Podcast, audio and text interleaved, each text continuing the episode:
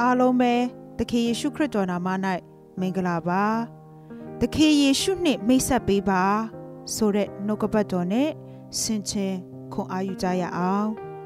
ရှင်ယောဟန်ခရစ်ဝင်အခန်းကြီး1အပိုက်ငယ်47ထိုသူသည်မိမိအကိုရှိမုံကို ရှေ့ဥစွာတွေ့လျင်ငါတို့သည်မေရှိကို တွေ့ကြပြီဟုပြောဆိုလျက်တလောကလုံးရဲ့အပြစ်ကို ယူဆောင်တွားမဲ့ကယ်တင်ရှင်ယေရှုကို ရှီမုန်ပေတရုထက်အင်ဒရီကဥစွာတွေ့ခဲ့ပါတယ်။အင်ဒရီက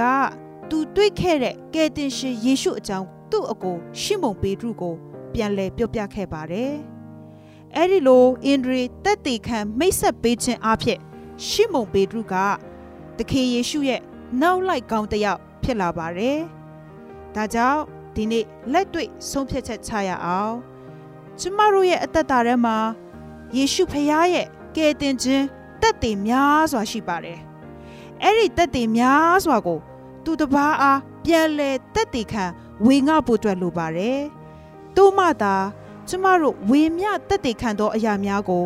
သူတစ်ပါးကြားပြီးယေရှုဖခင်ကို လက်ခံလာတော်သူများ ဖြစ်လာမယ်။ယေရှုဖခင်ရဲ့ကောင်းမြတ်ခြင်းကို သူတစ်ပါးအားဝေမျှတက်တည်ခံကြရအောင်။ဆုတောင်းကြပါစို့။